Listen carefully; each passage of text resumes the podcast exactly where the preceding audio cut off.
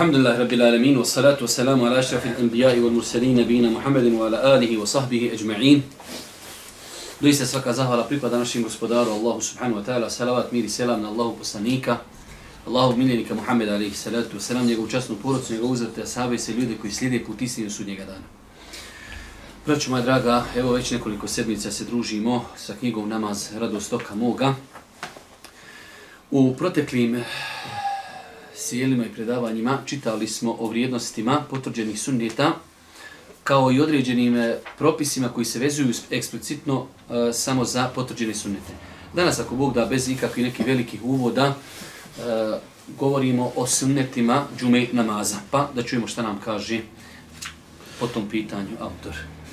Osobi koja dođe na džumu, prije nego što sjedne u džami, bez obzira na to kad je došla, propisano je da klanja dva rekata tehijetu mešćit, potom ako ima volje može klanjati opću na filu, sve dok ima ne počne s hudbom.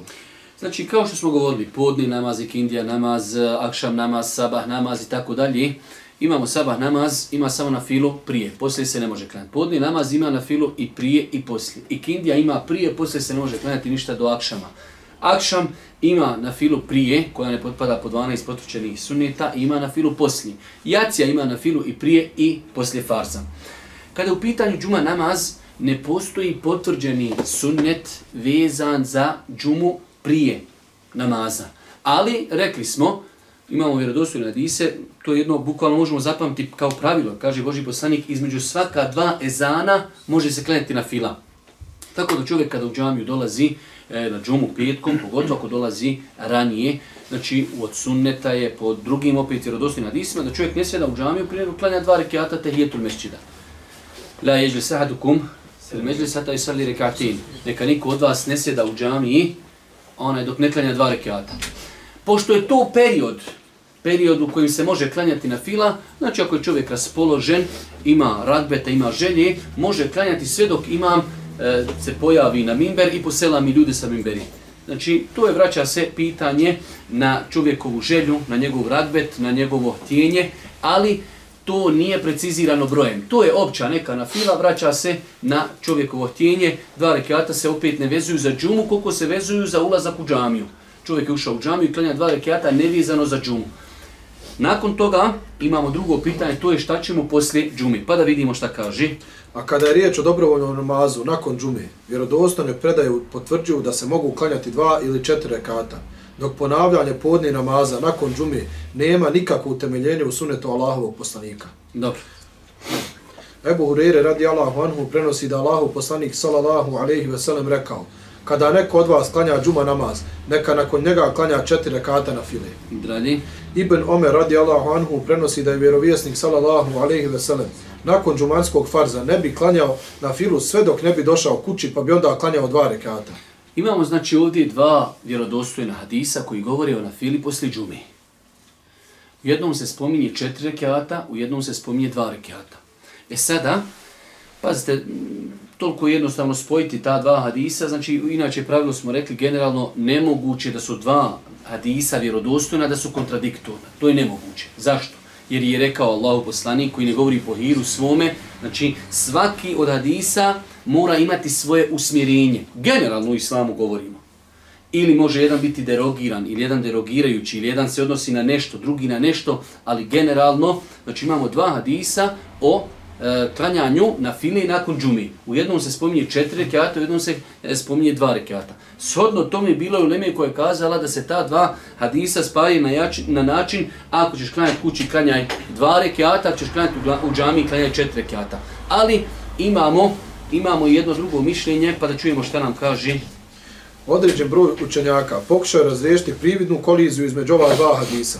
Pa su rekli da se hadis Ebu Hureyre radi Allahu Anhu odnosi na onoga ko će sunet nakon džuma, džuma namaza klanjati u džamiji. Dok se hadis Ibn Omera radi Allahu Anhu odnosi na onoga ko će ga klanjati kod kuće. Dobro. Treba naglasiti da je bilo učenjaka koji su ova dva hadisa shvatili na način da insan ima dvije mogućnosti. Kako da klanja na filu nakon džume?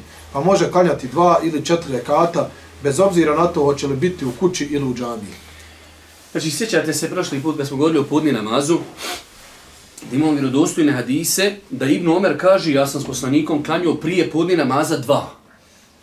A Iša kaže, Boži poslanik prije prije podne nije nikad izostavljao četiri.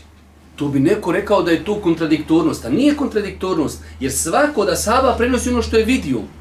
A Iša ga je gledala u kući klanja četiri, Ibn Omer ga je gledao u džami klanja dva. Imate vjerodosti na da Iša kaže, ako vam neko bude govorio da je poslanik mokrio, stojeći taj laži. Ali imate vjerodostojna hadisa, ali Iša nije išla sa Božim poslanikom eh, gdje on svugdje hodu. Ima hadisa koji kažu, ashaba koji kažu, vidjeli smo Božih poslanika u datom momentu kako mokri stojeći. Hoću da vam kažem isto i ovo. Imamo znači jednu verziju da ova dva hadisa usmjerimo na način. Ako ćeš klanjati na filu u džami, klanjaj četiri rekiata. Ako ćeš klanjati kod kući, klanjaj dva. Jer je u ovom hadisu od eh, Ibn Omera kaže pa bi klanjao dva rekiata kada bi došao kući. Klanjao je dva. A u ovom prvom hadisu, kada neko od vas klanja džuma namaz, neka nakon njega klanja četiri rekiata. Pa jedan dio ulemi usmjerio dva ova hadisa na način da kaže ako ćeš klanjati četiri, klanjaj u džami. Ako ćeš klanjati kući, klanjaj dva. Ali Allah najbolje zna jednostavnije ljudima ostaviti, kao što smo i za podni namaz rekli, ono što je čovjeku lakši, u smislu.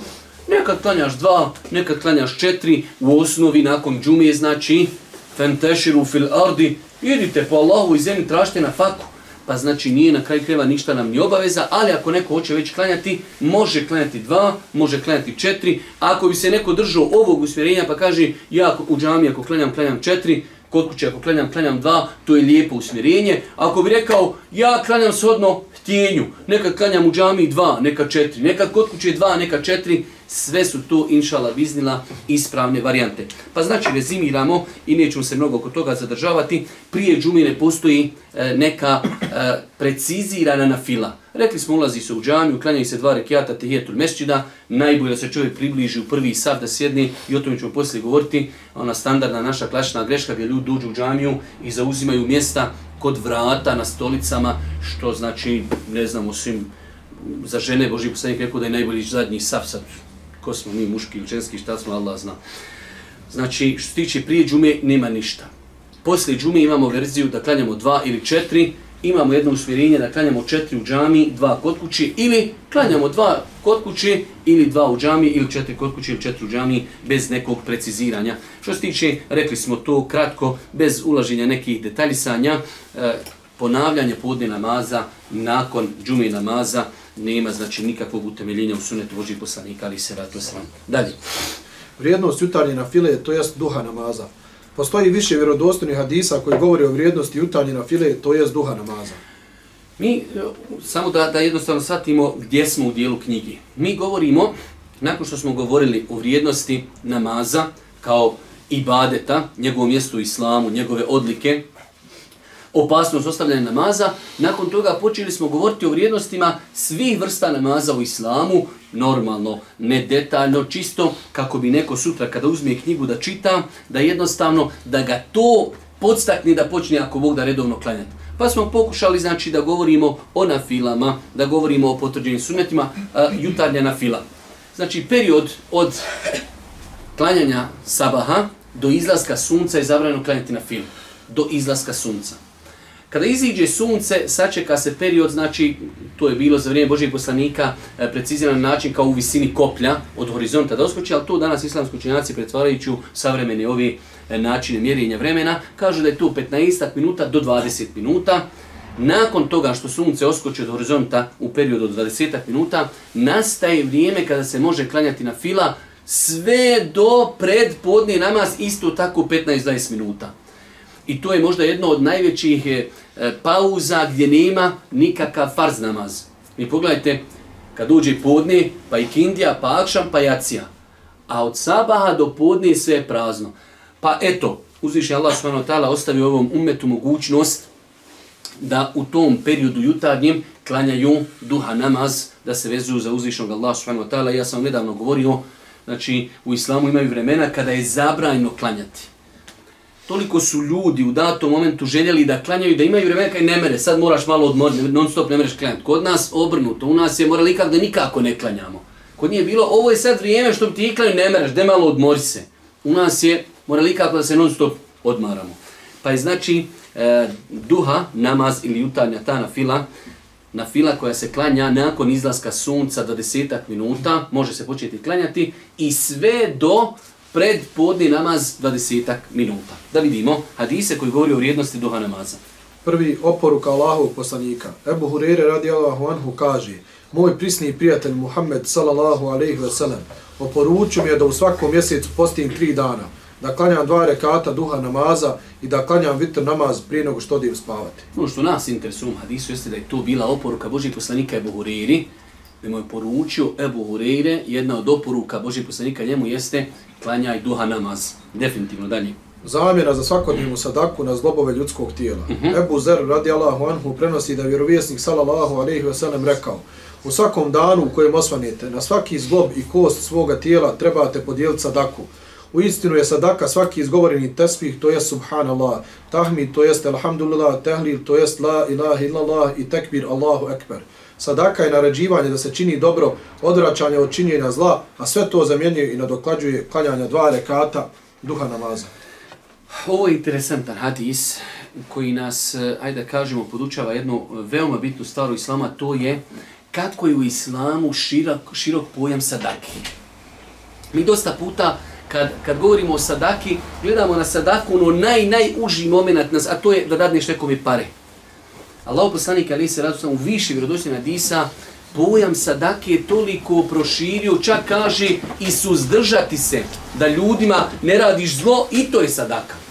A naveo je Boži poslanik ali se radu sam toliko primjera svi zikrovi, subhanallah, elhamdulillah, Allahu ekber, la haule vela kuvvete illa billah, pomoći nekom je nešto natovariti na, na jahalicu, bilo koji vid dobročinstva u islamu se smatra sadaka. Ali opet, u ljudskom tijelu, kao što je došlo u vjerodostojnim hadisima, a to i medicina potvrđuje 360 kostiju, 360 zglobova. Danas trebaš znati, znači, samo da bi eto jednostavno zahvalio Allahu što te učinio tako lijepim, u lijepom obliku, trebaš da 360 sadaka samo za tijelo. Ali kaže Allah poslanik ali se to se nam to sve zamjenjuje dva rekata klanjaša. Mi ćemo o tome i poslije govoriti, ali ovdje je interesantan ovaj moment ovog širokog pojma svatanja sadake. Dosta puta mi, znači iako živimo u nekom, nazovemo ga turbo vremenu i nema čovjek vremena, ali vjerujte kad bi samo pokušali i ja prvi i svi vi svoje vrijeme popuniti zikrom. Voziš se evo, iz šta ja znam salipašnog do dok dođeš na ders u auto voziš se 20 minuta. Za 20 minuta koliko puta možeš salava donijeti koliko puta estagfirullah? Koliko puta alhamdulillah? Koliko puta možeš ponoviti suru kul huvallah? Tri puta proučiš kulhu valla, kod da si proučio Kur'an jer jedno proučeno kulhu valla je trećina Kur'ana A to je znači kulhu huvallahu ahad, Allahu samet, lem jelid, velem juled, velem je kullahu kufuvan ahad. Trećina. Još dva put proučiš cijeli Kur'an i šta misliš kada bi mi svoje vrijeme popunjavali na takav način, a toliko je tu islamu, alhamdulillah, cijenjeno da se to sve smatra insanu kao sadaka. Pa insan treba da pokuša da pokuša da svoje vrijeme popuni, da popuni znači ovim hajli dijelima zikrinje, spominjenja Allah subhanahu wa ta'ala i svakomu se to dobro dijelo piše kao sadaka od hadisa koji govori o vrijednosti, jeste hadisa Iši. A Iš? Ja, ja, to je hadisa Iši. A Iša radi Allahu anha kaže, Allahu poslanik sallallahu alaihi ve sellem, klanjao bi četiri rekata duha namaza, pa bi dodavao onoliko rekata koliko je Allah htio. No, ovo nam je argument koji nam generalno ukazuje na propisanost e, duha namaza. Zadnji. Fahita bin Ebu Talib radi Allahu anha poznatija kao Ummu Hani, kaže, Allahu poslanik sallallahu alaihi ve sellem ušao je u moju kuću na dan kad je oslobođena Mekka okupao se i klanjao osam rekata. Nikada nisam vidjela lakši, to jest brži namaz od toga, s tim što je upotpunjavao ruku i sađu. Znači ovdje ovaj hadis islamski učenjaci spominju između ostalo kao dokaz e, propisanosti duha namaza da je Boži poslanik u danu kada je osvojio Meku došao kod ove ashabike, okupao se i klanjao osam rekiata, ali s tim što je znači klanjao brzo, ali opet ta brzina namaza ima svoju neki, neki minimum, a to je da čovjek upotpunjava ruku i seždu nekoliko osnovnih propisa vezanih za duha namaz. Da vidimo. Klanja se u periodu od izlaska sunca, to je 15 minuta nakon izlaska, sve do predpodni namaz, to je 15 minuta prije. Vjerujte,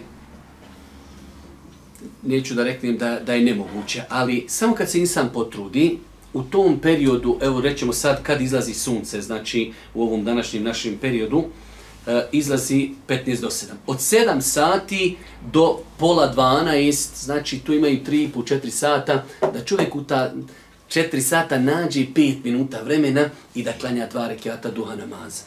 Nije to, vjerujte, teško. Samo je, šta je teško? Teško je da čovjek ima odluku i da pazi na to.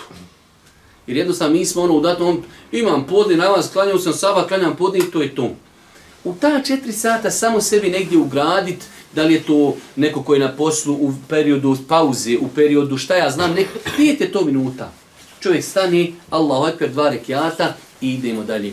A vjerujte da, da je to jedan od namaza koji bi trebao čovjek vjernik u današnje vrijeme da sebi uvede u svakodnevnu praksu. Definitivno, ja jesam od ljudi i neprestano to podlačimo, mi trebamo prvenstveno paziti na farsi.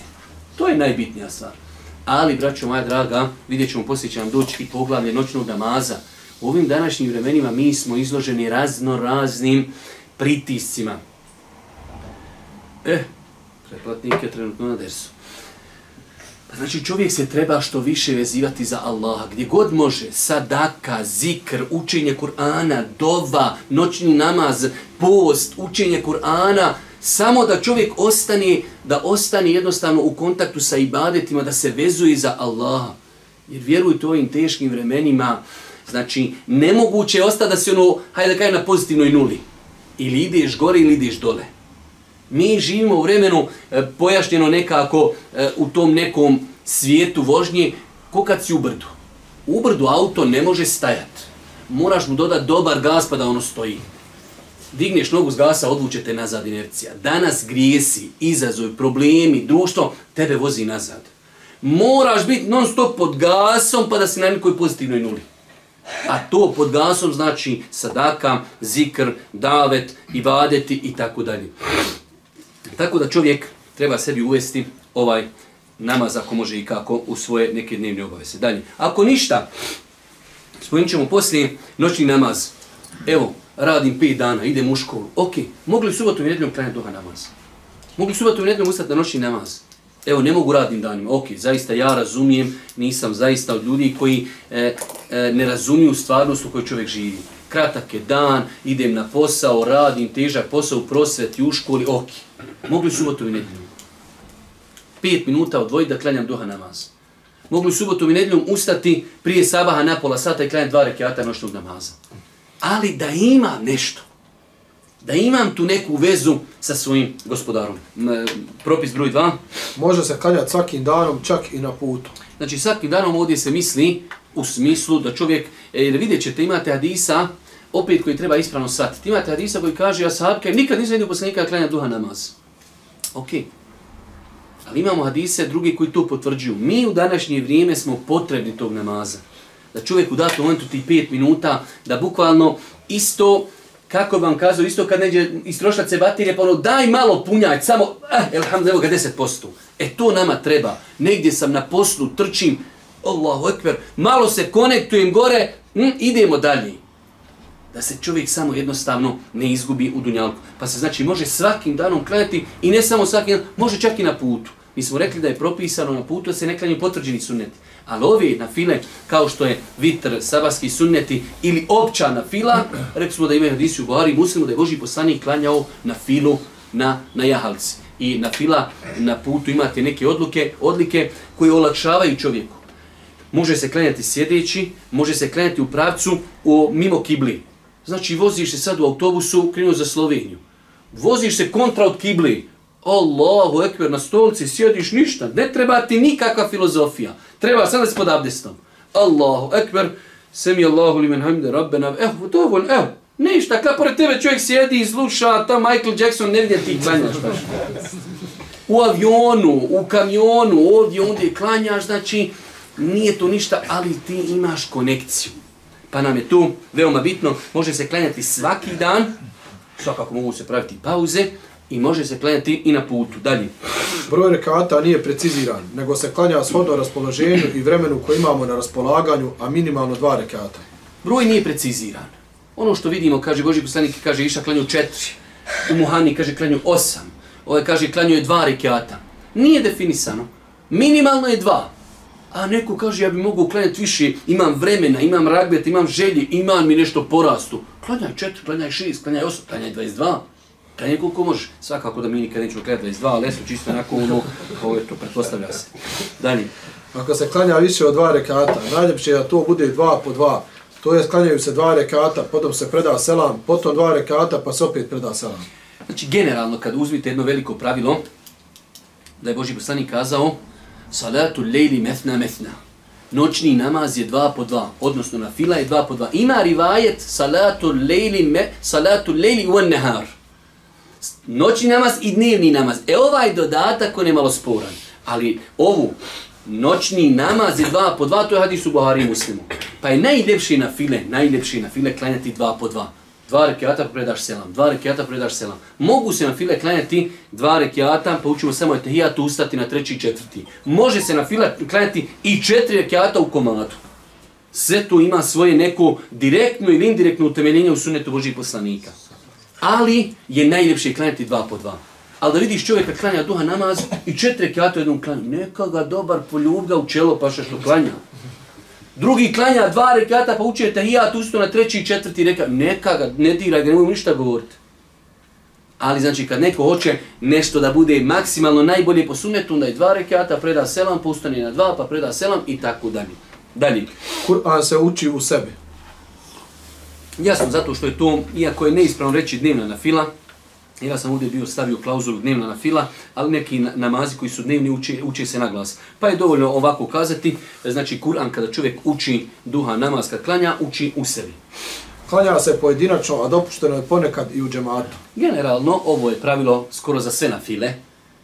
Generalno na file se klanjaju pojedinačno, ali u datom momentu da čovjek, dvojica, trojica ljudi na putovanju, ćemo zajedno klanjati duha namaz, hoćemo, Allahu ekber, znači to bude ponekad, inša Allah nema u tome ništa sporno, ali da to ne bude neki, hajde da kažemo, uh, stalni običaj. Već, znači, stalni običaj da čovjek klanja sam, ali u datom momentu, da li e, jednostavno iz neki razno raznih koristi. Neka će čovjek klanjati sa svojom djecom, sa suprugom, da bi se oni naviknuli. Neka će klanjati da bi nekog drugog postakao, znači i tako dalje. Pa da ponekad klanja u džematu, inšala nije sporno. Ne postoji poseban nijet. Ono što je u ljudskom srcu od želje da klanja jutarnju na filu, dovoljno. Ne e, postoji inače, generalno, mi smo o tome mnogo puta govorili. E, primjer radi, čovjek hoće klanjati podni namaz i ode da abdesti. Sad da ga pitaš, što si krenuo abdesti? Hoću da abdestim jer hoću da klanjam podni. Ta njegova izjava iz koja je došla iz srca, to je nama dovoljno. Sama čim čovjek u 10 sati, oh, treba klanjati duha namaz, ošao abdestio. I sad dolazi, šta? Nema tu više, njegovo srce je više jasno šta on hoće. Tako da, znači, nema tu potrebe čovjek da stane, a čekaj, šta no ja trebam? Duha namaz, duha namaz, duha namaz, Allahu ekber, duha namaz. Znaš, ljudi, vjerujem, ja znam, ljudi, njemu je koda, koda ide na haubicu. Allah, Allah, Allah, Allahu ekber. Održi ga, brat. Allahu ekber, mala djeca u Mejtefu. Allahu ekber, eto ga ide to je njemu koda, koda Hiltovkom duše. Čovječ. Ovo, ekber duha, namaz, idemo dalje. Nakon toga, jedno poglavlje, veoma interesantno i lijepo poglavlje, a to je vrijednost noćnog namaza. Opet cijelo vrijeme pokušajemo da ostajemo u kontaktu sa namazima. Vrijednost razno razne vrsta namaza. Definitivno noćni namaz ima svoje posebnosti. E, posebnosti s aspekta e, zaista, vi u toku dana kad ste čovjek Evo, bez obzira. Ja danas nešto šta sam u, ne znam, da Allah oprosti, klanjam neki namaz, dok sam predao selam, vićem ženi, jer hamu kella. Rekao, sjetio sam se nečega u namazu. Ti kad si u namazu u toku dana, prije toga bio na poslu, poslije toga voziš tamo, ovaj te naljutio na semaforu, gledao komentare na Facebook, ovaj te zvao, on, ti nemoguće se diskonektuješ 100%.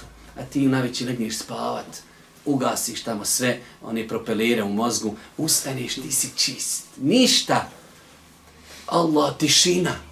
I zato je došlo u Kur'anu, inne naši etelili, hije, ha, noćno to učenje, ono kaže, ostavlja više traga na insana.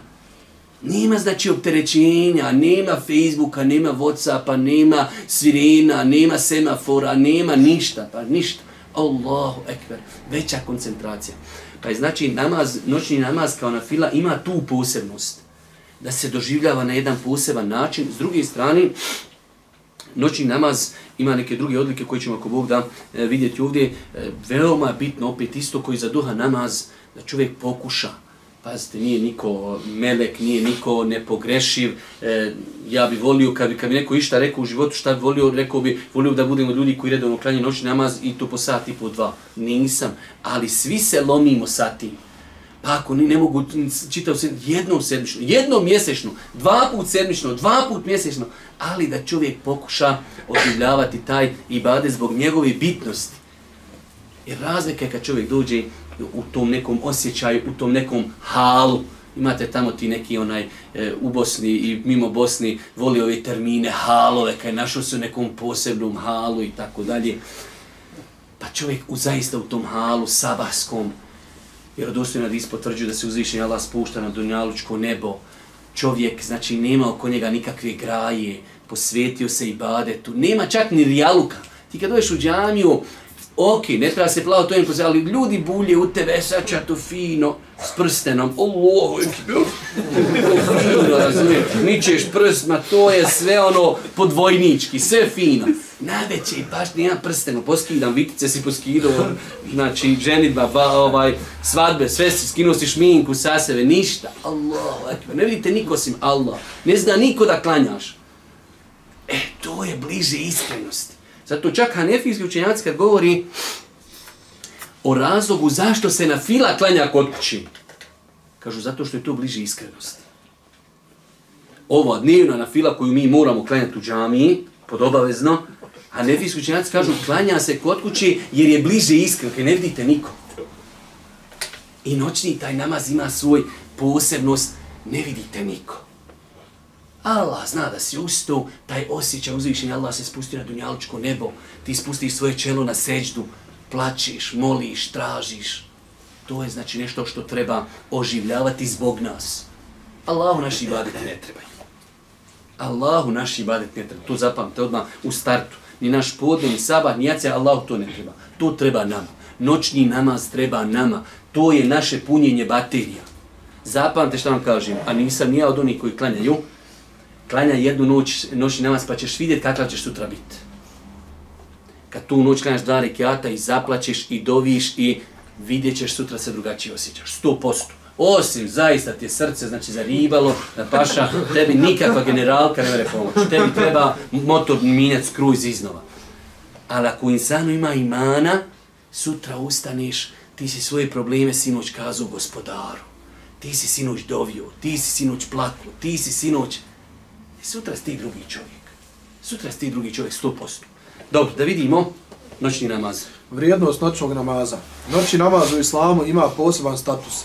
Iščitavajući životopis Allahovog poslanika, salallahu alaihi ve sellem, možemo jasno primijetiti da je noćno na Filip pridavao posebnu pažnju, jer ona ostavlja poseban trag na klanjača i njegovo srce. Da vidimo kuranski ajeti u noćnom namazu. Rekao je uzvišen Allah u suri El Muzemil, o ti umotani, probdi noć osim malog dijela, polovinju nezinu ili malo manje od nje, ili malo više od nje i izgovaraj Kur'an pažljivo. Mi ćemo ti doista teške riječi slati. Ta ustajanje noću zaista jače djeluje i izgovara se jasnije, a ti danju doista imaš mnogo posla. Poslanik, imaš posla mnogo, Najveći je to drugačije. Inna se nulqi alejke kaulen thaqila. Mi ćemo spustiti na tebe težak govor, tebi treba nešto se ojačaš, treba ti trening.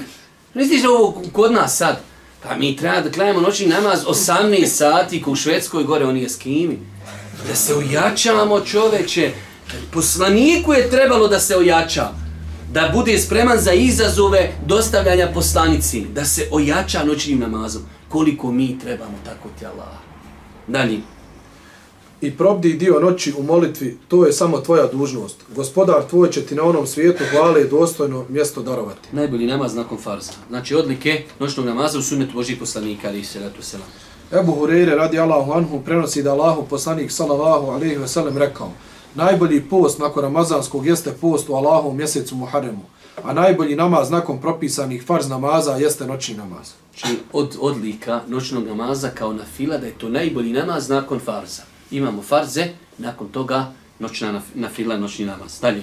Abdullah ibn Amr ibn As radi Allahu anhu prenosi da Allahu poslanik sallallahu alejhi ve sellem rekao: Najdrži post Allahu jeste Davudov post, a najdrži namaz mu je Davudov namaz. Davud je spavao pola noći, trećinu je provodio u namazu, a preostalu šestinu opet spavao. Jedan dan bi postio, a drugi ne bi. Znači ovdje vidimo opet, to je najdraži vid namaza uzvišom Allahu, onako kako je Davud Ali Selatu Selam dijelio noć, pa kaže spavao je pola noći, pa bi trećinu klanjao i opet šestinu bi odlegao od spavao. Dobro, Ibn Mes'ud. Ibn Mes'ud radi Allahu anhu prenosi.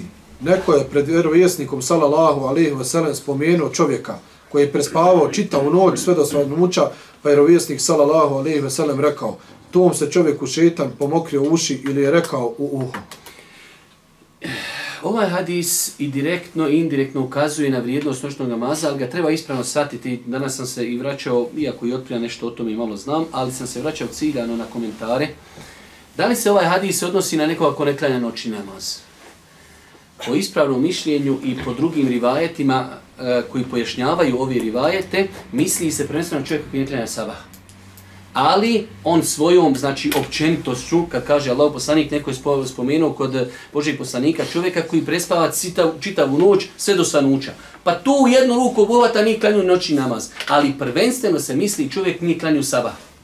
Na njega se misli da je ova, ova, znači, pokuđeno se odnosi na čovjeka koji nije klanjao sabah. Ali indirektno ona obuvata i, i ajde da kažemo, klanjanje, odnosno izostavljanje klanjanje noćnog namaza. Dobro, Razlog vedrine i elana. Ebu Hureyre radi Allahu anhu prenosi da je Allahu poslanik sallallahu alaihi ve rekao Kada neko od vas zaspi, šetan mu na potiljku sveže tri čvora i po svakom lupne govoreći Pred tobom je duga noć, samo ti lezi i spavaj. Ako se probudi i spomene uzvišenog Allaha, jedan čvor se odriješi, ako uzme abdest, odriješi se i drugi. A ako klanja, odriješi se i treći. Pa osvane vedar i pun elana, a u suprotnom osvane mrzovoljan i lijen. Mi smo o ovome hadisu više puta govorili, znači vrijednost noćnog namaza jeste da čovjek ako ustane, abdesti, prvo spomene Allaha, pa abdesti, pa klanja noćni namaz, ustane pun elana. Ustane znači jednostavno voljan. Dok s druge strane, ako kad ustane, ovo trebate, znači svaki insan treba sebe navikati, ustajem, probudio sam se, izlazim iz kreta, prva stvar, bismillah. Alhamdulillahi alladhi ahyana ba'da ma amatana wa ilayhi an-nushur. Hvala Allahu koji nas je oživio nakon što nas je usmrtio. Zahvala Allahu i koliko je ljudi koji su legli spavati niti se ustav nikad. Probudili se u mrtvačnici. Pa je zahvala Allahu što je se insan probudio, zdrav, naspavo se, odmorio se. Abdest i klanjanje na fili zbog toga čovjek ustaje, znači pun elana i rekli smo malo prije, e, ostavlja to čo, na čovjeka traga. S druge strane, ako to preskoči, kaže vraća, čovjek ustane mrzovoljan, lijen i tako dalje. Dobro, od Ebu Huriri. Od Ebu Huriri radi Allahu anhu prenosi da je Allahu poslanik sallallahu alaihi wa sallam rekao Allah se smilovao čovjeku koji u noći ustane, pa klanja i probudi i svoju suprugu. A ako ona ne htje ne ustati, on joj lice poprska vodom. Allah se smilovao i ženi koja u noći ustane pa klanja i probudi svog muža. A ako on ne ne ustati, ona mu vodom poprska lice. Allah im se smilovao, zaista. Znači, nema šta ovo sam reći, Allah im se smilovao. Koji čovjek danas smije ženu poprskati, koja žena smije čovjeka poprskati. Niko nikog ne prši, ne diraj, spava, ko top, šut, daj ga probutno saba da ustane. Kakav noći namaz, kakvi montirači. Inače, ovo bi trebao da bude ambijent jedne porodice. Ovo vi vidjet ćete poslije kroz vjerodostojne hadise, Boži poslanik klanja u noći namaz, pa pred Saba sam iz ovnog ja i ona klanja vitr namaz. Mi imamo jedan veliki problem, braću moja draga, to je e, da dosta puta u tim svojim porodicama e, živimo taj neki, hajde da kažemo, život koji je zaista u, u nekoj stvarnosti daleko od islama. Ovo je islam, ovo je islam, da žena smije muža, hajde na noć namaz neću uzme vode i po licu ga popršći. Joj, kako bi hitna morala utri od vode. Bili mi došli spavat, ne radimo, pa imamo jednu neku je prsku vodom, nešto, nešto, ne ima neki problem. Žena poprši, čovjek popršće ženu, da joj odu šminke i karmini sa nje i ona ustane napuhana nikakva. Znači, nema tu, nema tu podpomaganja na putu hajra. Da čovjek pozove svoju sobu, hajmo klanjati noćnjama, žena kaže mužu, hajmo klanjati noćnjama. Tako da ovaj hadis nam samo u jednu ruku eh, e, odcrtava, pokazuje kakav bi trebao da bude ambijent jedne porodice. Da se muž i žena postiću na dobro. Ja znam, vjerujte, vi znate da smo mi daji iskušani ti problem, da ljudi nas zovu problemi poročni. Koliko puta muž ženu savjetuje ostavi neke grijehe? Neće. Žena savjetuje muža da ostavi grijehe, javni grijehe neće. A gdje smo mi od toga se mi zajedno podvojimo? Hajmo ženo sutra zajedno postiti. Hajmo zajedno uraditi neku sadaku, odnijeti nekom je paket. Hajmo zajedno klanjati na filu. Hajmo sa djecom na umru. Hajmo ovdje. Hajmo... Da to bude porodični ambijent. Da to bude podpomaganje u dobru. I onog momenta kad se to izgubi, vjerujte, znači izgubilo se najveće blago u porodci. Dalje. Ebu Hureyre i Ebu Sejid radi Allahu anhum prenose da Allahu poslanik sallallahu alaihi ve rekao kada čovjek u noći probudi svoju porodcu pa klanjaju dva rekata pojedinačno ili zajedno takvi budu upisani među one koji Allaha često spominju. Koji, kaže, klanjaju ili pojedinačno ili zajedno. Kod nas je to nepoznanica. Ne klanjamo ni pojedinačno, kamo da klanjamo zajedno. Dobro, dalje. A Iša radi Allahu anha rekla je vjerovijesnik sallallahu alejhi ve sellem noću bi toliko klanjao da bi motekle noge. Pa sam ga upitala Allahu poslanice zašto tako postupaš a tebi su već oprošteni propusti koje si počinio i koje ćeš počiniti? A on reče ar za da ne budem zahvalni rob? Ovo je opet znači jedan odgovor tajna zašto klanjati noći namaz. Kao vid zahvalnosti zbog svih nijameta i blagodati. Allah Želšanu je Božih poslanika počastio nečim što nije nikoga, da je on najudabrani rob, da je on e, odabrani poslanik, Ali svi mi, kad pogledate u svoj život, koliko imamo nijamita. Znači, ja uvijek, najjednostavniji vam je primjer, samo pogledajte sad, evo, pogledajte ove emigrante koji su kod nas. Pogledajte ove zime, kad ideš spavat na veći u kući, lijepo, toplo, sjeci, gdje su oni sad? Gdje li su? Gdje spavaju? A po, po dani pune ulice. A da ne govorimo o braći u Siriji, u Jemenu, u Iraku, u, u Burmi, u Palestini i tako dalje toliko nijameta, toliko blagode. I ovo što imamo, što sjedimo, učimo vjeru, to su nijameti, vallahi nijameti. Ja sam neki dan spominju, meni Allah dao zaista počest odem i na istok i na zapad. Ono što mi imamo od blagodati u ovoj našoj Bosni, ja ne znam da ima ni na istoku ni na zapadu. I to treba cijeniti, to treba čovjek zahvaljivati Allahu Đelešanu da ljudi izučavaju vjeru, da se ljudi okupljaju, da ljudi govori, da ljudi tumači, da ljudi možeš znači uzeti pastekiju na sred Sarajeva, stat klanjati, neće ti niko ništa. Ezani uče, pozivaju nas u džamije, u miru, u blagostanju. Pogledajte, dosta puta po tim nekim plaštima demokratije. Samo je demokratija, možeš se s kim koliko god hoćeš. To niko ti neće nikakve zakone donijeti. Hoćeš se pokriti, odmah neki zakoni se izglasavaju. Skidanje, skidaju, i mi ćemo te još skinuti, ono što ti ostalo na tebe. Pokrit se, ne, ne, ne, ne, ne, ne, pokrivaj se. To su neke konvencije, to su neka prava, to su neki parlamenti. Lijepa Bosna, lijepa Bosna. Nema je nigdje, vallahi je nema nigdje. Ne pretjerujem, znam šta govorim. Pa insan je u tolkim nijametima, od blagostanja, od sigurnosti, od nijameta, od blagodati. Pa insan da zavali svom gospodaru, a rekli smo, nemoj da neko pomisli, ja ustao noćni namaz, evo ja sad nešto Allahu koristio. Ma daleko je uzvišeni Allah, el ganij. Neovisan o svim ljudima, ne treba mu niko. Kad bi svi bili kao najpobožni insan, to Allahu ništa ne znači. I kad bi bili svi kao najpokvareni insan, to Allahu ništa ne zna. Nama treba. Nama treba. Dalje. Alija radi Allahu anhu prenosi da je vjerovjesnik sallallahu alaihi ve sellem jedne noći došao njemu i Fatimi radi Allahu anha pa ih upitao, a zar ne klanjate? Allahu Šta misliš dođe tebi punac najveći na vrata u tri sata, kuc kuc, ti kroz pinom kroz. Da li ovaj došao u tri sata, Allahu ekber, ženo, da niš zvala, da nemaš kakvih problema. Šta je, klanjate noćni? Razguli, baš, zbog toga došao uva doba. Poslanik Ali i Selam dolazi svom zetu. Ne, ne klanjate. Halo, ne klanjate. Je to moguće da ne klanjate? On, vidite ovdje ima upitnik. Zar ne klanjate?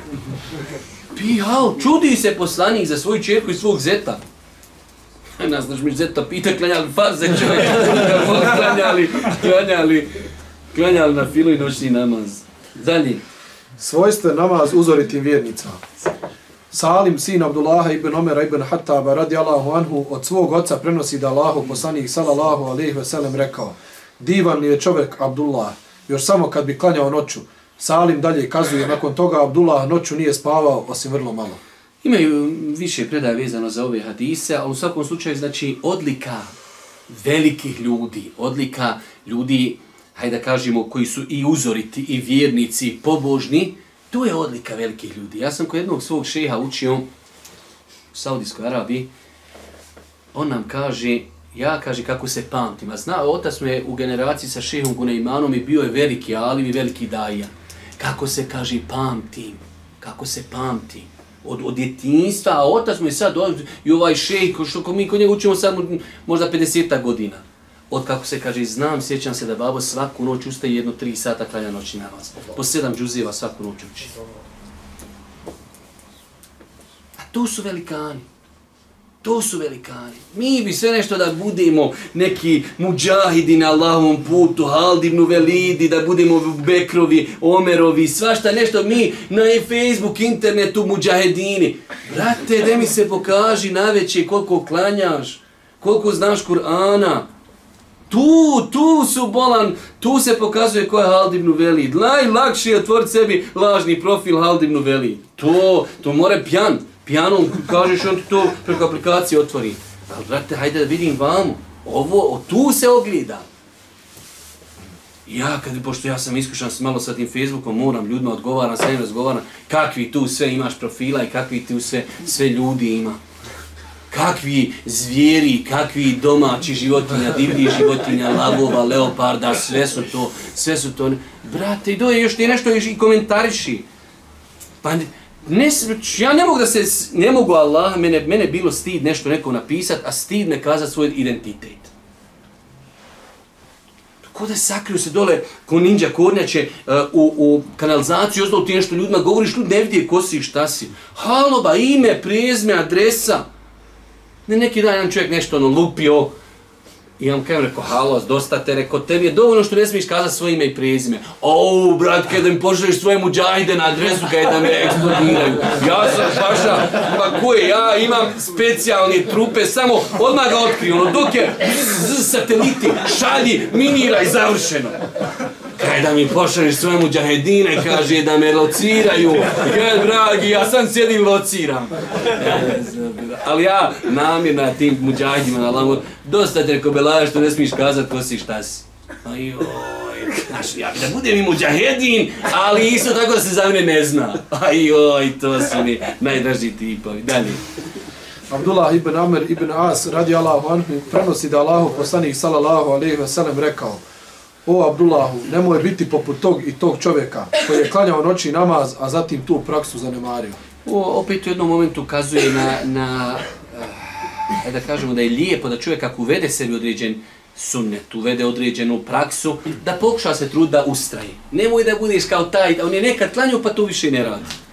Čovjek bi trebao, zato je došlo u vjerodostojnim hadisima, inda Allahe la yemellu hatta temellu. Allahu neće dosaditi, zapisivati vaša dobra djela, dok vama ne dosadi to učiniti. Zato nemo, eh, noća sad, došli kući, pješće priču noćna, 13 rekiata po sunnetu, 13. I onda 13 godina ga više nikad ne ustaneš. Dva rekiata, uzmi moj savjet Allah, dva rekiata, nemoj viši. Dva rekiata. I to sam subotom i nedljom. Ali do smrti tako ovaj zapisaš 13 rekiata, noćas i 13 godina ništa, nakon kad svake subote i nedlje po dva, već za 3-4 hekta ti si ono 13 stigu. Ali onaj 13 godina više ne ustaje.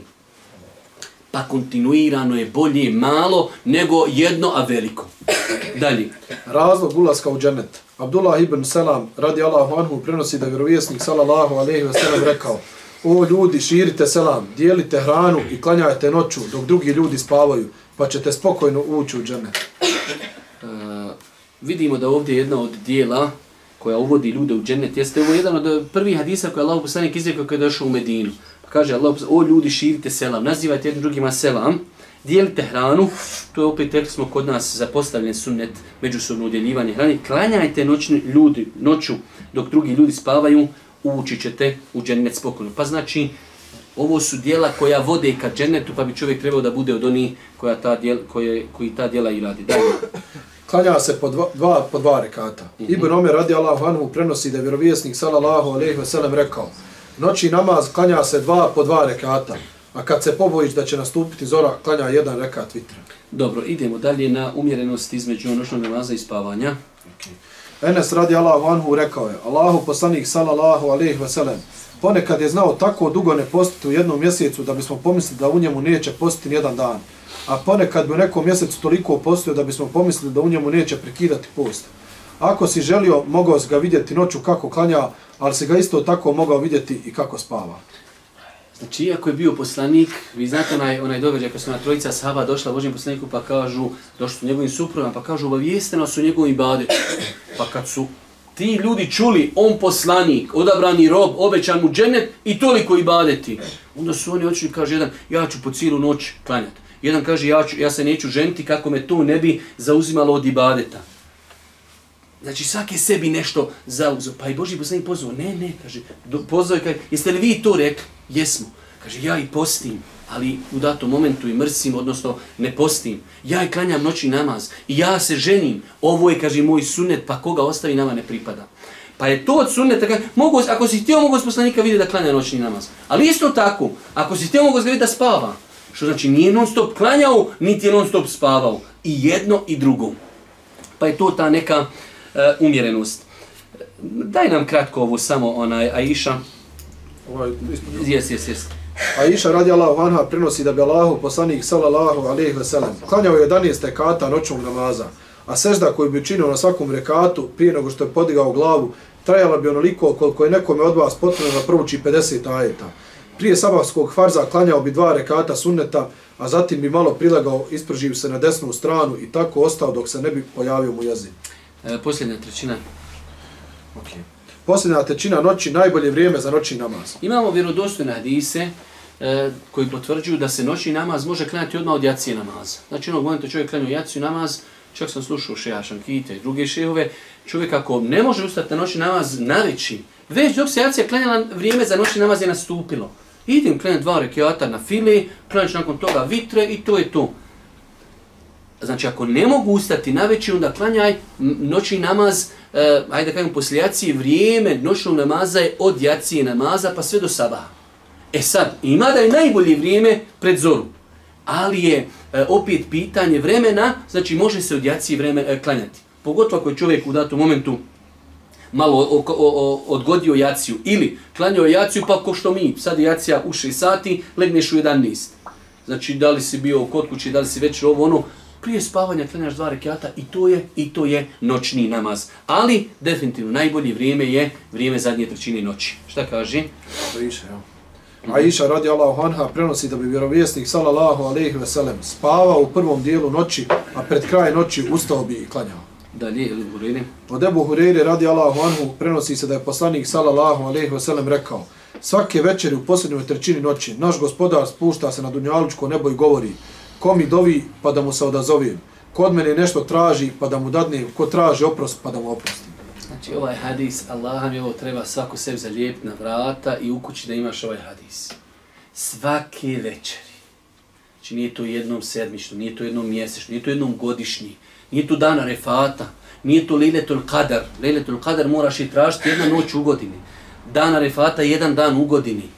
Svaki večeri naš gospodar se spusta na dunjalučku nebo. Iako, znači, gospodar iznad sedmog neba čuje tvoje dove kao i onda kada i čuje na dunjalučkom nebu. Ali je to kao čovjeku satisfakcija. Uzvišeni gospodar se spustio na naše nebo. I postavlja tri pitanja. Ko od mene nešto kaže, ko mi dovi, pa da mu se odazovem. General, ko mi dovi, znači sve živo. I od dunjalučkih potrebe i ahiretski. Ko mi dovi, pa da mu se odazovem. Kod mene nešto traži pa da mu dam, kod mene traži oprost. Ko traži oprost pa da mu oprosti. Znači iskoristiti ovo vrijeme da čovjek traži oprost, tražiti pomoć od Allah, da ga učrsti, sve što nam je potrebno. Pa je znači najbolje vrijeme za noćni namaz, zadnja trećina, pogotovo ljudi koji redovno ustajaju na, na sabah, znači čovjek ustaje noćni namaz, nekih 15-20 minuta, pola sata sačeka, klanja sabah i to je to. Tako da, znači, može se to ako Bog da uklopi. E, dužina e, namaza Božih poslanika, šta imam nešto pripremljeno malo da onaj pre, progovorimo o noćnom namazu, preskočimo. Dužina Božih, namaza Božih poslanika, znate da ima hadis kod muslima, da je Božji poslanik na jednom rekiatu, po jednom satanju hadisa, koji je najproširenije, ima jedno drugo satanje hadisa, da je na jednom rekiatu proučio znači tri velike sure sa početka Kur'ana, Bekaru, Jal, Imran i Nisa. Znači, jedni sad završaju na nekoj kojoj 104. 105. stranici, znači, preko 5 džuzeva Kur'ana na jednom rekiatu je proučio u noćnom namazu. To je bila dužina noćnog namaza Božih poslanika, ali se ratu selam. E, daj da vidimo, lijepo je početi noćni namaz. Dva kratka rekata. Mm -hmm. Lijepo je početi noćni namaz, dva kratka rekata. Ebu Hurire radi Allahu Anhu prenosi da vjerovijesnik sallallahu alaihi ve sellem rekao Kada neko od vas ustane u noći želeći klanjati noći namaz, neka ga počne s dva kratka rekata. Poslije ćemo govoriti o tome u nekim adabima, lijepo je ako već neko hoće klanjati duži i hoće više, jednostavno to je vid isto kod nas kada ono insan imaš staro auto pa ga upališ pa malo da se zagrije. E, to je to zagrijanje. Dva rekiata kratka. Znači sa nekom kraćom surom, e, onda idu, idu malo duži sure. Dobro? Kro popusti vitr namaz, klanjat će ga po danu, rekat više od broja koji, koji uobičava klanjati. Mm -hmm. A Iša radi Allahu anha rekla je, kada bi Allahu poslanik sallallahu alaihi ve sellem zbog bolesti ili nekog drugog razloga propustio noći namaz, onda bi u danu klanjao 12 rekata namaza. Generalno je pravilo, generalno je pravilo da čovjek, bez obzira koliko ima, na, na, koliko ima naviku da klanja vitr, ako bi se desilo da nije vitr klanjao, primjer radi ako klanja uobičajeno tri rekiata, ko što se kod nas klanja, i desi se jednu noć nije klanjao vitr, sutra od sabaha pa do podne, znači klanja će četiri rekiata. Jedan rekiat više nego što običajno klanja vitr. E, u svakom slučaju, za, za kraj, evo imamo još znači inšala nekih desetak minuta ili manje, e, da vam spomenem nekoliko e, interesantnih stvari vezane za noćni namaz. Prva stvar, lijepo je za ljude koji klanjaju noćni namaz, ako ništa, onaj, da čovjek kada krene spavati, zanijeti da će ustati. Jer imate vjerodostojne hadise da insan kaže se u hadisima da insan ako zanijeti, namjerava ustaća noćas na noći i ne ustani, upisuje mu se nagrada kod je klanju noći namaz. Ovo je potpuno, to je pokazatelj potpunosti savršenstva vjeri Islama. Znači čovjek nije ustao, ali je imao iskren namjer. Čovjek krenuo i navio sebi mobitel i sat i ustajem u četiri sata i klanjam dva rekiata. Sutra dođe žena zove, halo, peti, peti, ustaj na sabah. Kad je zvonilo, ništa on čuo nije, njemu se upisuje da je na noći namaz. Jer je on zaista za, zanijetio namjeru imao i pripremio je se, navio je sebi da li mobitel, da li sat. Pa prva stvar, kada je u pitanju noći namaz, kad čovjek krene spavati, ako ustaje noćni namaz, znači da ima namjeru da će ustati. Druga stvar, evo rekli smo, kao vid pripreme, ako će čovjek klanjati više od dva rekiata, onda je lijepo da prva dva reketa budu kratka, da se jednostavno čovjek, hajde da kažemo jednu ruku, malo baš zagrije, nakon toga da, da klanja nešto duži. Isto tako, najljepši je noćni namaz, znam da je i rijetko da čovjek mogu klanjati nekog drugo, ali najljepši i najvrijednije je da se klanja noćni namaz e, u kući. Isto tako, ako čovjek može s onim hadisima, da kaže Allah poslanik, nemoj biti kao čovjek koji je klanjao pa to ostavio. Da čovjek bude od ljudi koji će kontinuirano. Nekom je kontinuirano svake subote i nedjelje. I neko, nek, neko ne pomisli da mi sad ovdje uvodimo neku novu notariju sad samo subotom i nedjeljom, već govorimo zato što su to dani u kojima se ne radi. Ne da subote i nedjelja imaju neku posebnost, nikako. Ali znači da čovjek ima neki kontinuitet. Jer su Allahu najdraža djela kontinuirana. Isto tako, Ako čovjek osjeti veliku pospanost, svakako treba se prije toga pripremiti. Trebaš sjediti do dva sata i kažeš, e, ja ću sad na noći u četiri. Ustaneš u četiri paša, ti ne znaš ime i prizme, ne znaš datu kad se rodio. Ne, znači, usta lezi na vrijeme, ali ako bi se desilo zaista, čovjek ustao na noć na nas i zadri, ne, ne može oči, jednostavno, brate, lezi spavaj jer je došlo od Isma Božih poslanika ako insan e, bude u takvoj situaciji, kaže može sam sebe početi dobiti protiv sebe i prokljati da on to ne osjeti u namazu. Pa ako čovjeka savlada, drimež ili san, hvala Bog, to i jest na fila, bit će nagrađen po nijetu, bolje da čovjek legne spavati. Isto tako, rekli smo, lijepo je, sunneta je da čovjek gradi svoju porodicu na tim temeljima, da supruga budi muža na noći namaz, muž budi suprugu i tako dalje. Budi se međusobno na namaz, kako na fars, tako i na nafilu. Lijepo je da zadnji namaz bude čovjek u toku noći vitr. Pa znači insan koji hoće ustajati na noćni namaz, onda bolje da na veći ne klanja vitre. Iako, znači ovo treba zapamtiti, velik broj ljudi ovo ne zna, e, čovjek ako je navikao, navikava uvijek klanjati vitre, ok, može klanjati vitre, Pa kako ustanem, ustanem. Nije sporno inšala da čovjek nakon vitara klanja neki dobrovoljni namaz. Ali ako zaista ima običaj da skoro pa svaku noć ustaje na noći namaz, onda nakon jacije neće klanjati vitre. Od sunneta Božeg poslanika je došlo u vjerodostojnim hadisima da, bi, da je lijepo da zadnji namaz koji čovjek uradi u toku noći budu vitre. Pa čovjek primjer radi, ako će, evo, vraćamo se na našu famoznu subotu i nedjelju, subotom će ustati na noći namaz. Tu noć neće klanjati vitre. Klanju je, znači, jaciju, klanju je potvrđene sunnete posle jaciju i lego spavati. Ustaje klanja dva rekiata ili četiri noćnog namaza i nakon toga jedan ili tri ili već koliko hoće rekiata vitara. Pa je od sunneta i najljepše je da svoje, znači, sve te neke nafile završimo kao da ih opečatimo sa vitr namazom.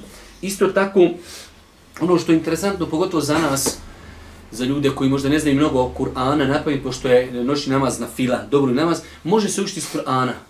Znači, ako čovjek kaže, imam neku, hajde kažemo, želju da klanjam duže, ali ne znam na pamet, nije sporno da znači čovjek uzme Kur'an u ruku i znači iz Kur'ana da uči, kada prouči strancu dvije, spusti Kur'an pored sebe i nastavi, kada to opet uzme Kur'an u namazu, znači na fili, nije sporno, inša da se uči iz Kur'ana. Ovo je, hajde da kažemo, neka alternativa čovjek ako ne zna mnogo Kur'ana na pamet, a želio bi da klanja malo duže noći namaz, onda inša Allah bizna nema ništa sporno u tome da e, na filu namaz klanja učeći iz Kur'ana, iako je definitivno bolji da čovjek i zbog koncentracije, i zbog toga što kažu islamski učenjaci, što će čovjek držeći mushaf i mora propustiti neke sunnete. Prvo neće se izati ruke, odmah to je znači propušten jedan sunnet. Ima još neki sunneta, ali ako uzmijemo da čovjek želi da klanja dugo noći namaz, ne zna toliko Kur'ana, onda to se, ajde kažemo, jednu ruku može e, dopustiti da čovjek drži Kur'an u rukama i da, da uči iz, iz mushafa. Kada su u pitanju određeni, eh, ajde i nazovemo, pomagala, kako čovjek i na koji način da sebe ojača da ustaje na noći namaz. Evo nekoliko savjeta koji islamski učenjaci spominju u svojim knjigama, a svi smo potrebni toga. Prva stvar, lijepo je da čovjek ima neku brošuru, neko predavanje, neki video klip koji govori o noćnom namazu. Jer nerod, braćo moja draga, ne, teško je očekivati čovjek redovno ustaje i ne zna vrijednost toga. Dok čovjek kada pročita hadise, ajete o vrijednost noćnog namaza, šta? To bude njemu podstrijek, hoću ja da klanjam noćni namaz. Pa čovjek prvo da bi određeno dijelo kontinuirano radio, treba da zna njegovu vrijednost. Druga stvar, isto tako čovjek bi trebao da zna kako i na koji način se zaštiti od šetana. Kako prije spavanja da prouči sve zikrove, lijepo na, na način kako je preneseno od Božih poslanika, isto tako prilikom ustajanja. Jer jednostavno šeitanu, znači ne kopa, ne ori, ništa. Njemu je bitno da tebe vrati da ne klanjaš. Pa insan treba da zna kako da se nosi sa šeitanom njegovim došaptavanjem. Isto tako da insan pokuša biti od ljudi koji jednostavno sam će sebi postaviti neke pravila. Kaj, ja ne znam da ću možda živjeti više od heftu dana. Pa idem da iskoristim taj noćni namaz da još koji sevap zaradim. Kad bi insan tako gledao na život, u mnogim stvarima bi se popravio. Već mi imamo većinom omladina, pa dobro, imam ja još 20-30 godina, pa ću ja klanjati noćni namaz kad ja budem u 70 i kad budem dosadno, legnem spavat sa jacije, pa utri se privrčim, pa popijem kafu, pa ću ja tada klanjati. Ali ko ti garantuje prvo da ćeš biti živ, drugo da će ti tada biti do tog namaza. Pa insan, znači, e, kako se zove, trebao bi u jednu ruku da iskorištava prilike iskoristi pet prije pet. Velika većina ljudi koji što došli u na Disu kaže obmanuti si sa zdravljim i slobodnim vremenom. Pa dok si mlad, kad ostariš, pogledaj oni ljude, e, bolestan, tablete, pregljedi, ovo ono, kakav oni, kakav noćni namaz. Dok insan sad dok je mlađi, u, u snazi, naspava se brzo, ustani, klanjaj dva rekiata noćnog namaza. Isto tako, to je problem planete rano spavanje. To više ne postoji. Znači na planeti rano spavanje ne postoji. Znači tako imate čovjeka legne poslijacije, to je čovjek u Sarajevu ovolikom, koliko ima često ilja, da se nekako trojica ljudi poslijacije legnu spavate u glavi. Ali zato, baš kad sjediš do 11 do 12, tebi ja, ja, ja, ja ustat na sabah. I to je, morate prskat vatrogasci doći po tebi prskat. A paša lezi, sad je jacija u 6 i u 7 le spavate u dva sata, goti, oči ti volki viši, pa opet se natjera, a pa urin krhniš u tri, opet kuću viši. Ode klanja to dosadi noći namaz. Usto bi odosadi. Duga noć, ali ovako kad ti e, skratiš ovda vamo u 12 legneš spavat, ma nemo, nemoguće ustati. Isto tako, od, od stvari koje je lijepo da čovjek zna a, vezano za ovo pogled jeste da je čak Allah poslanik u datom momentu klanjao noći nama sjedeći. Pa čovjek usto sam, pa nisam nešto moram. Pa dobro, klanjaj sjedići. Jest namaz na fila, kada se klanja sjedići je pola vrijednosti namaza stojići. Ali je bolje klanjati dva rekiata sjedeći i pospa nikakav, nego da ga ne klanjaš nikako. Ali bitno da čovjek poznaje ove propise, ove adabe, kako jednostavno u datom momentu, pa dobro, bolje išta nego ništa. U svakom slučaju, e, vrijednost na, noćnog namaza je velika vrijednost, čovjek vjernik, pogotovo u ovim teškim vremenima, vremenima iskušenja, pritisaka, grijeha i svašta nešto, trebao bi, trebao bi da pokuša uvesti sebi u život, ako ništa, povremeno, povremeno, klanjanje noćnog namaza, molim Allah, Želšanu da nam olakša činjenje ovog ibadete, na kraju subhanika Allahumma da bihamdike, ešhedu in la ilaha ilan stakfiruke, vojetubu i vejke.